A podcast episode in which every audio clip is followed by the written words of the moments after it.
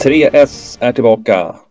Den här gången handlar det om V75-tävlingarna inför annandagen.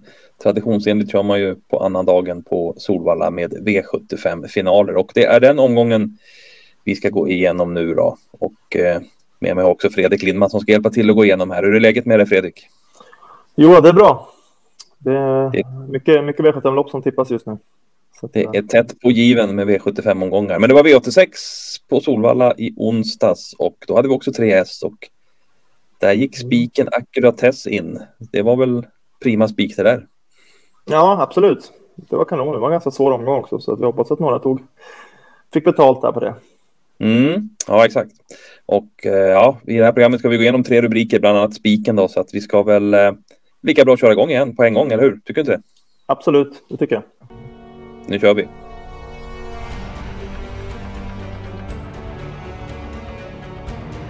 Som sagt, spiken ska vi ha och det är alltid bra att sätta en spik för då är man ju bra på det för att få in V75.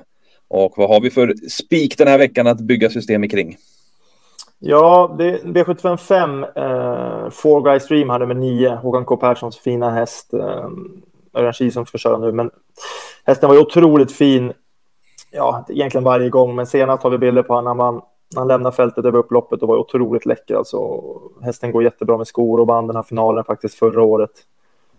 Uh, så det finns egentligen ingenting som talar emot. Motståndet är överkomligt. Den här hästen har verkligen utvecklats ännu mer nu senaste året här. Så att, ja, det ser faktiskt ut som en straffspark uh, utan målvakt här för Fogar Stream och Örjan Kihlström. Ja, det låter ju som, det låter ju som eh, en spik man vill ha då helt enkelt.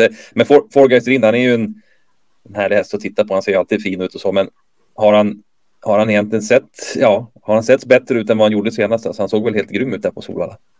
Ja, nej, jag tror inte han har eh, sett. Alltså, han var väldigt bra den här perioden i fjol också. När han vann finalen då på Solvalla den här omgången eh, förra året, alltså, så han, då gick han också i tredje spår, så sista 7-800. En häst som annars har smugit mycket och gått i spets och sådär. Men, nej, men senast så såg han nog bättre ut än någonsin. Det var riktigt läckert där. Han, han sprintade undan över upploppet där. Lämna, lämnade bra hästar. Han blir klar favorit, han blir stor favorit, men eh, det är en spik man måste ha i, i, i en V75-omgång så att eh, vi bryr oss inte om att han blir ganska stor favorit utan spik på 9 for Guys Dream så bygger vi systemet kring honom.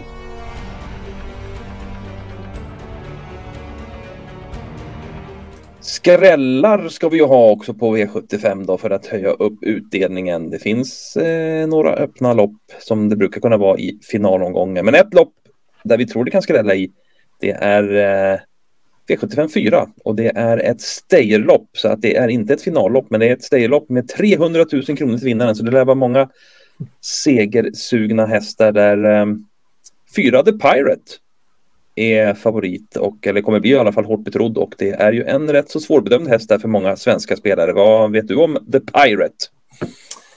Nej, men jag vet att det är en väldigt fin häst. Jag kollar på loppen från Norge. En derbyfinalist i en kull som innehåller några ganska bra hästar. Han var ganska hårt betrodd i derbyt där i Norge. Stod i sex gånger pengarna. Men eh, framförallt ser han väldigt skönt flegmatisk ut. Stark eh, och förnuftig, vilket är ganska bra när man ska gå över tre varv. Att eh, ge första starten i Sverige här nu så kusken får körspö det kommer vara en fördel. Som jag sa, han är lite flegmatisk, stark. Eh, 300 000 första pris som du sa lär vara så att man kanske siktar lite hit här. Det är debut för Björn Goop nu för eh, The Pirate här med fyra. Eh, så att han ska bli intressant att se, men eh, självklart är han lite svårbedömd nu när han gör första starten i Sverige. Så att, och därför är det värt att åka det loppet också, för man, det är lite svårbedömt som sagt hur, han kommer bete sig, uppträda, öppna och allt sånt där.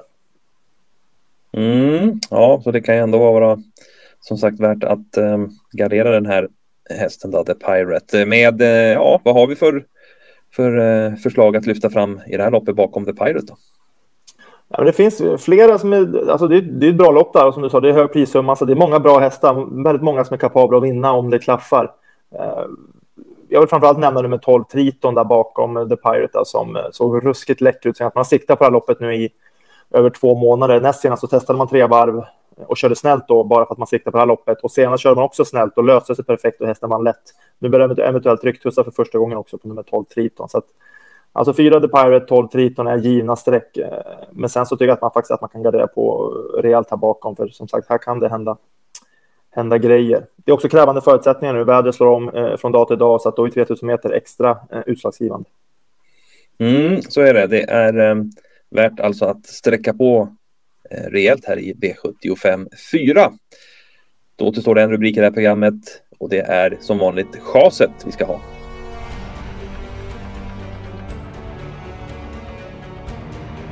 Chasa ska vi göra. Det gör vi faktiskt i V75 3.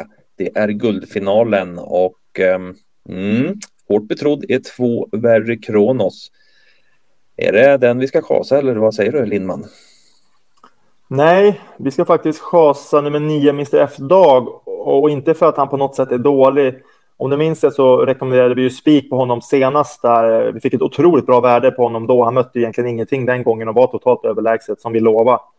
Eh, så det var en väldigt bra spik då som vi bjöd på. Eh, den här gången så är dock förutsättningen annorlunda och framförallt möter han en väldigt bra konkurrent i två Kronos.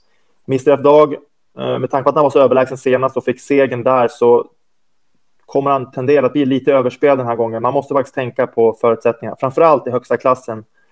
Eh, där, där vi tycker att den här gången ser ut som att två Vericrons tar ledning och därifrån så ska Vericrons vinna, även om man får bestämma eller inte. Så från ledning ska inte Vericrons förlora loppet. Det, det, ska vara övermäktigt för, även för en sån som Mr F Dag att gå runt hela fältet och plocka ner Vericronos.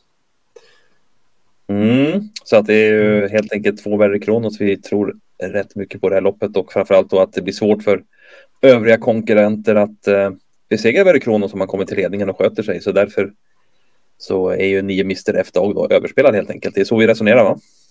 Ja, alltså, vi har bilder från näst senast när Verikronos då. Han har skött sig nu två gånger i rad och näst senast här bakom bilen så han är snabb och han är väldigt stabil. Det är en fördel också att tävla på Solvalla för honom där. Det känns som att han håller sig lite coolare där och um, han har faktiskt inte sett många galopper senaste året, två åren heller. Så att, uh, Varenda gång han sköter sig så är jag ganska säker på att han lever där runt om. Mr F-Dag vinner egentligen bara de gånger som Berg Kronos eh, gör bort sig. Mm. Så är det, vårt eh, resonemang på eh, chaset där, nio Mr F-Dag. Ja, då är vi rätt så nöjda med dagens eh, genomgång då inför tävlingarna på Solvalla på måndag, annan dagen där, V75 och sammanfattar rubrikerna med spik på 9 Four Guys Dream i V75 5. Skrälloppet i V75 4. Eh, där främst 12 Triton kan vara väldigt spännande där med rycktussar då, för första gången. Och så chaset då 9 Mr F Dag i V75 3.